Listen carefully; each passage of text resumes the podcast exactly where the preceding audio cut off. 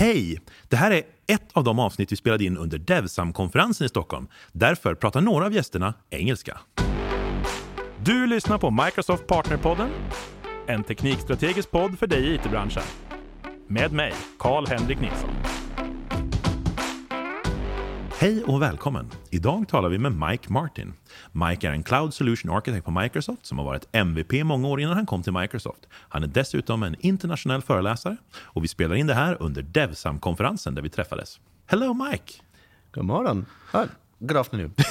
a little late in the afternoon. Yeah. I always forget, you do, you do speak a little bit of Swedish. I do understand some of it, yeah. I That's do, nice. I do, I do. Are you enjoying the conference? Oh yeah, yeah. It's a, it's it's always fun to be back at DevSum. I think it's my fifth or my sixth time now. So uh, Yeah, I've been there a bunch of times as well. It's a really good conference. yeah, it is, it is.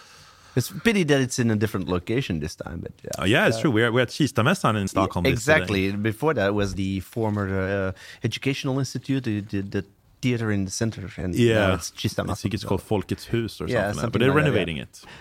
So that's why we're here today. I, ho- I hope I go back. I th- even if I, I sort of understand that this place is nice, it would be cool to. I, I, it's just cuter the other place. It's more co- exactly cozy. more cozy. Exactly. yeah, yeah. happens a little bit more. But I think we live the same idea.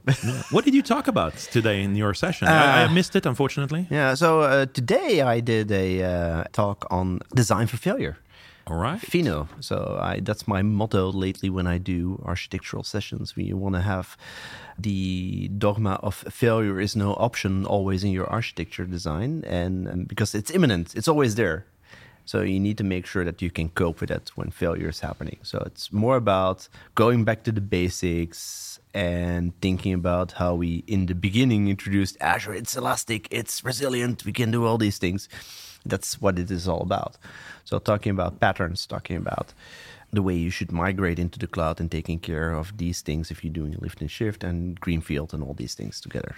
Cool. I guess a lot of people could be interested in that. What are some of these patterns that, that we can use to make our system more failure resilient? So the easiest and the most implemented one, if you want to build a resilient system, is a circuit breaker.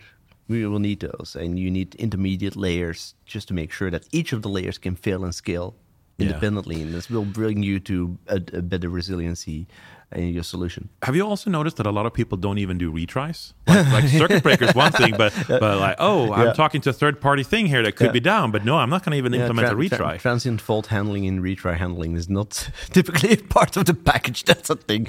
Yeah. So yeah, also that there's uh, a lot of people.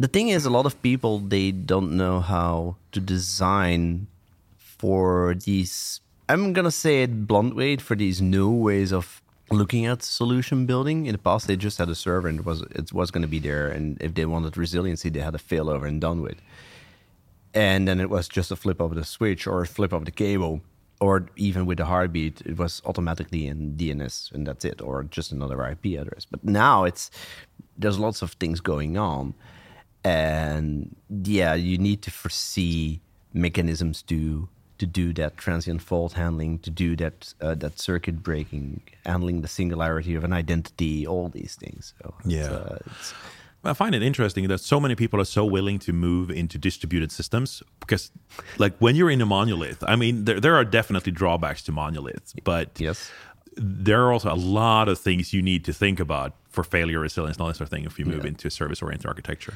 Yeah, I mean- I think people are just a little bit overhyped. We are slapping them around the he- about the years, the ears, sorry, with a lot of newer approaches, that we are talking way too much about things like microservices and things like, oh yeah, you should be doing the cool stuff like the cloud native, and then they automatically start thinking about Kubernetes. Distributed computing is is also kind of embedded in those systems, but depending on your workloads, you need to also then cope on how the software deals with it. Not every workload is can be distributed. That's another thing. It's, uh, if you take a look at the IT landscape and you count the people that can decently design a system, there are not too many No. and easily people now get drawn into all these new technologies and all these new techniques to implementing them but they don't know think about the consequences just as they think so so bringing distribution it's not always just bringing distribution. You need to think about a lot of these concepts and a lot of, and you need decent people to handle those. Yeah, but if you would give some hints then to people who are starting to sort of think about how they should design for resilience, software architectural wise, where do we go? Redundant networks, where do would you even start? It's a hard problem. I would at least not start with building it on top of VMs. That's the first thing that I think of. And then we're not talking about the software side. We're talking about the underlying. All right. So, if, so if infrastructure part You, you don't think VMs are very resilient? They're not scalable, so they cannot be resilient. That's the thing. That's a good point. I mean, a system can only be resilient if it can scale to take away the burden of the rest of the of the environment. I mean, you can hook up another VM into a network, and you have scale sets in Azure. You have scale sets that can do that automatically, and I'm doing the finger thing with like gimme. But it really isn't giving you the flexibility to have scale up, scale down, and if one of those roles fail, you don't care about that. And most of the systems that are doing auto scaling, they have an instance failed, it gets recycled and it gets spinned up cleanly, and you don't have to worry about session states and all these things. Yeah. So, so the first thing that you should think of is make your system, and then if we then talk about on the software side, because that was your initial question, make your system as session and stateless as possible. Yeah. And that's a pattern that we've been seeing already for the last 25 years. Still, not a lot of people still do that because I still see way too many people pointing yeah. back to one, one machine or one endpoint. But start with that, and then use as many components that are already available out of the box instead of writing your own, making it easy on yourself. I see way too many people, yeah, we need to build this, we need to build that, we need to do this. No, try wiring instead of writing. Think about stupid things first. Think about identity systems. Think about the wiring around maybe some endpoints that you want to call that are already available as an API and don't start reinventing the wheel. Those kinds of things that will bring your software a little bit more flexibility to build on. Yeah. So we met a couple of weeks ago as well with, at the Techorama conference yes. in Belgium, which was excellent, by the way. Thank you. But I listened to a talk there where they talk about immutable architectures. It was quite interesting, actually. Like basically, I mean, it was a rehash of treat your service as cattle, not yeah. pets. Yeah. But I think it sort of ties a lot into this that if you want to have resilience, you should be able to just kill off a yes. service and bring it back up again, and, and it, it should be. That's how the system of uh, Kubernetes was thought of. You have all your pods, you have all your instances, but if they get killed off, you don't care about it because yeah. you just carry on and move on. And this is where then frameworks or software patterns like Orleans and, and Akka come into place, for instance, where you have actor based and they just play along. And if you pick out the player out of the game and you replace it by another player, you know that it's still a, uh, a goalie or a pits that you're playing with. Yeah, they are sort of components of yes. software that do different types of jobs Helps. that you can bring in and out of. But you don't worry about where they are or who they are. You know that there's a role somewhere, but that's yeah. it. So, and that's something that people should start thinking about. And we, we, uh, there's other things that you can start implementing. If you want a sidecar, for instance, take a look at patterns like Dapr and all these oh, things. Yeah. Dapr's really helped me at least just I feel that that gives me good guidance for how to build properly resilient things. Like, oh, you need to have storage. Yeah. Here's an API how to work with storage. Don't care. We don't have to worry about what's on the other side. Exactly. And really, I really, really like that. And um, combine all of that, and you're gonna get there. Yeah. Do that, you need it? That's another story. Yeah, but that's the same thing with Kubernetes that you talked yes. about before. Do you actually need it? Like, keep it simple, stupid, and you are not gonna need it. Those are rules that I try and live by. Because, like, I mean, don't get me wrong, there are a lot of systems that both you and I designed that are using Kubernetes and using it wonderfully. But there's also a lot of things where, hmm, are we really going to need this? Yep, exactly. And like, and and I think container apps now is like a really good middle middle path. That's a good meet in the middle because you have some of that scalability features. You also have that GitOpsy way of working with things, making sure that your desired state is there and you have the flexibility of Kubernetes without having to worry about Kubernetes because yeah. we all have to admit Kubernetes it sounds cool, but if you're going to start with it, it's painful. It's a lot of training. Yeah. You have to learn stuff. Yeah. But I also feel like we're talking so much about containers. We're talking so much about Kubernetes and that sort of stuff. And I feel like some of the services that we've used on Azure for years are sort of getting a little bit forgotten, but there's still really good players Oh out yeah, there. yeah. I, I'm still a big fan of app services, for instance. I'm still a big fan of everything which is Logic apps, for instance. Why? Because it makes it easy to write integration engines. App services can run about 95% of all the workloads that are today running on a, a IIS or Apache instance. So these are the services that can still help you grow, definitely. and they are indeed underappreciated. Yeah, I actually used. So I, I was challenged by a customer the other day uh, because I used Logic apps, and I said it's to improve resilience, and they're like, "What? Surely code must be the better way of do, doing integration to this."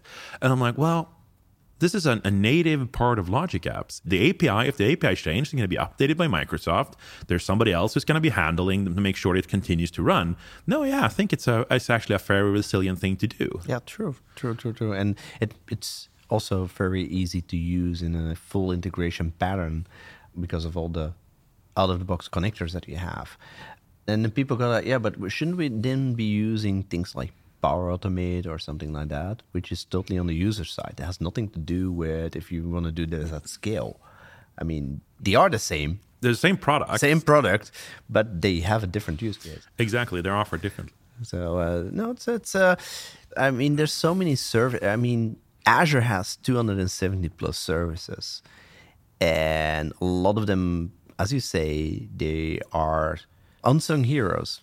By the way, that's a shameless plug to my uh, webcast on YouTube, Azure, Unsung, Azure Unsung Heroes. But uh, this is where that webcast actually came from. We wanted to highlight services that people either not use anymore or forgot to use or never heard of before. Think about the resource graph.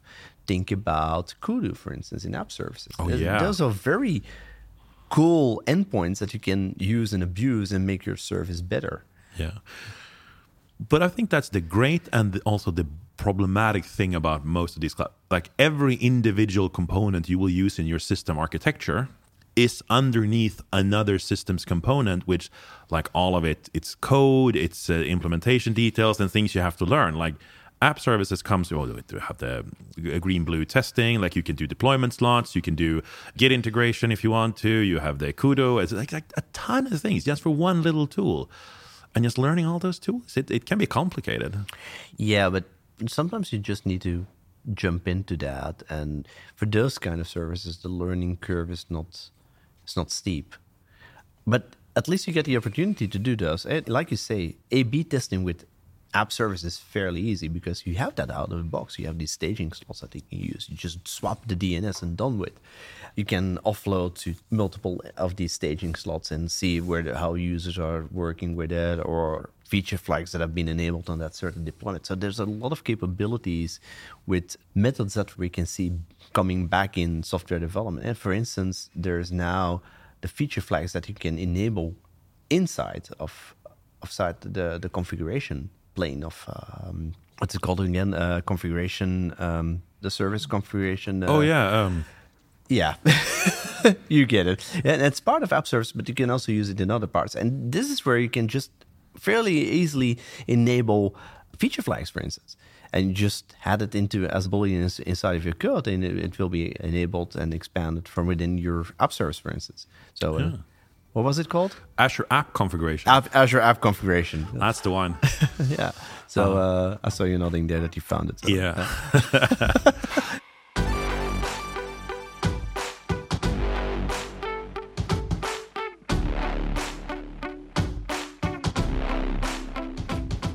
But I also think, like going back to resilience a little bit, the feature flag thing is also one of those stuff that when I came to .NET in I think 2008, I started working predominantly with .NET things.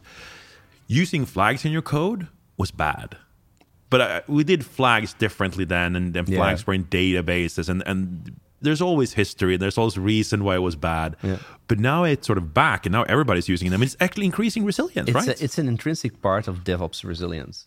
If you have people highly depending on a configuration and you don't want to break that, which is typically the reason why resiliency is failing because you're breaking compatibility, hmm. then yeah, this is the easiest way of implementing that. And you can just upgrade and you, that's even the beauty of it. Feature flags, you give the control back to the user and they can decide on whether they want to be up and running with the new version. I mean, we see that in, coming back in a lot of products. Even if you take a look at our own products, like for instance in Azure, you have preview features, those are feature flags. Yeah. GitHub, they have feature flags. Azure DevOps, they have feature flags. Yeah. So even there, you will see that uh, the user gets control back, and they the deployment will not interact anymore in anymore with choosing those things. It's already there. You just need to enable it. If it fails, you just switch back, and that's the resiliency part. Then becomes a part of the user and no Yeah. longer the deployment story. But also, like it gives you like a way around the problem. You don't Yes. have to call somebody. You can actually disable it and continue working. You can just not use the sort of the preview feature. Unless something happens in the backend where a lot of things get registered, and Of course. you're screwed over basically.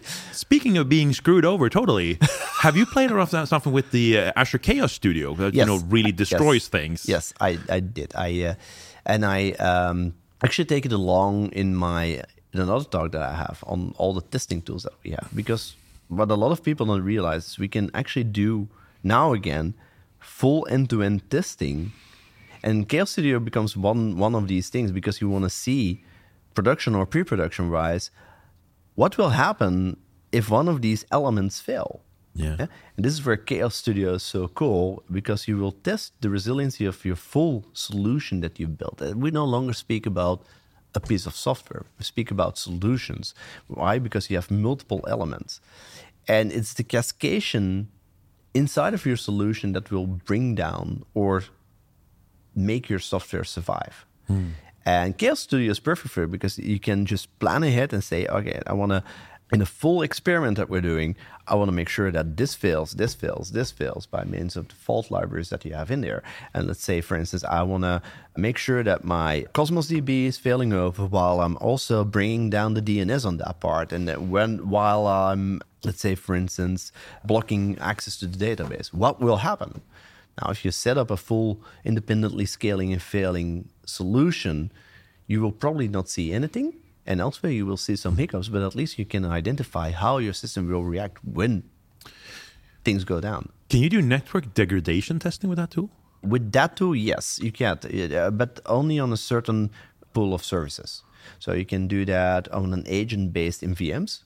You can also do that on an AKS level, and there will be probably more native fault libraries in the future that you can take away. There's also some for DNS, but on the real pure VNet integration part, I don't know how far we are there. All right, because that would be pretty cool. Like if you could Yeah. do, I wonder how this service would work if you can get information through, but it's going to be like you know 1998 internet. Yeah, yeah exactly. for, for a photo all over the place and like a latency of 600 and all that stuff. Yeah, that's, Yeah. yeah. But there's a, a lot of fault libraries that you can use, uh, fault um, injections that you can use out of the box, and there's more being added gradually. It's a fairly new system. We only had it like since beginning of last year, so 2022, but they're building it up. But it's, this is something that came from our engineering part. yeah. It's something that we had internally, and yeah, it gets better and better. You mentioned that you did a full talk on testing tools, Yeah. which I do actually have recorded. So I'll Oh add yeah, that to the yeah. True. I forgot about that. yeah, you see. But I was thinking, are there something you would recommend that people definitely look at if they're sort of working on resiliency and sort of thinking what Chaos Studio is a given? I Yeah, think. that's a given. That's a given. What else? Well, actually, there's there's this new tool that I discovered, which is not in the recording. Yeah. So, and I should mention that there's a a new tool that we open sourced uh, that came from the Graph people. So Ooh. the Microsoft Graph. It's an API mocker tool. And it allows you to test not only the Graph API, but it allows you to test against any API that you define inside of the, the JSON. And then you can start mocking the errors, but also the API itself. So you can actually test around those and see how that responds. So that's really, really cool. It's just a command line. You can even use it in a full DevOps way yeah, because you can actually pre-test and, and have the result back and work with the JSON uh, output on that one. So you can use it as a gate. what did you say it was called?